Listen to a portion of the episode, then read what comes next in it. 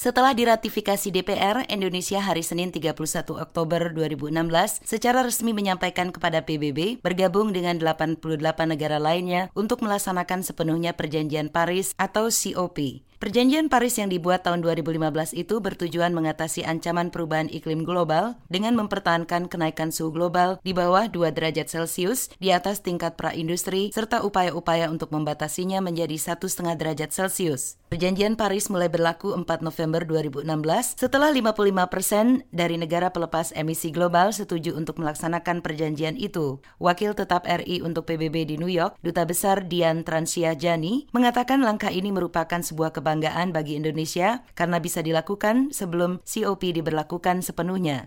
Katanya kita termasuk negara yang dapat menyelesaikan proses ratifikasinya di bawah satu tahun. Dan ini merupakan uh, suatu perjanjian uh, Paris Agreement ini yang cukup monumental. Uh, dan ini proses ratifikasi ini terus terang uh, uh, apa, dapat berhasil dengan baik dan cepat di luar kebiasaan karena dukungan semua pihak sini kerjasama yang sangat erat antara pemerintah, DPR, dan eh, LSM eh, dan multi stakeholders semuanya berpandangan di Indonesia bahwa ini suatu perjanjian yang kita perlu ikut serta. Made Wedana, seorang aktivis pelestarian dari organisasi non-pemerintah Aspinal Foundation di Bandung, Jawa Barat mengatakan, komitmen pemerintah untuk mengatasi perubahan iklim perlu diwujudkan lebih serius.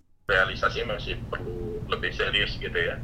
Perubahan dari beberapa tahun terakhir uh, belum banyak, mungkin sudah ada tapi belum banyak. Contoh misalnya pada saat era presiden sebelumnya waktu SBY kan memang bilang menekan uh, apa uh, 26 persen seperti itu ya. Di satu sisi kan di fakta di lapangan masih banyak juga uh, apa namanya ilegal logging.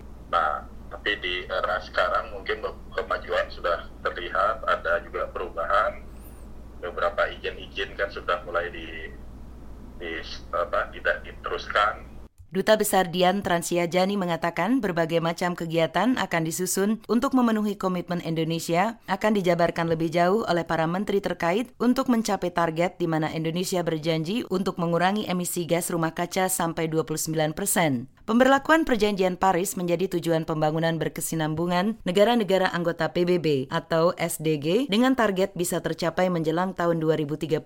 Perjanjian Paris selain mengatasi pemanasan global juga menghimbau percepatan dan peningkatan tindakan-tindakan serta investasi yang dibutuhkan untuk mempertahankan pelepasan karbon yang rendah dan beradaptasi dengan meningkatnya dampak perubahan iklim. Madeoni melaporkan dari Washington.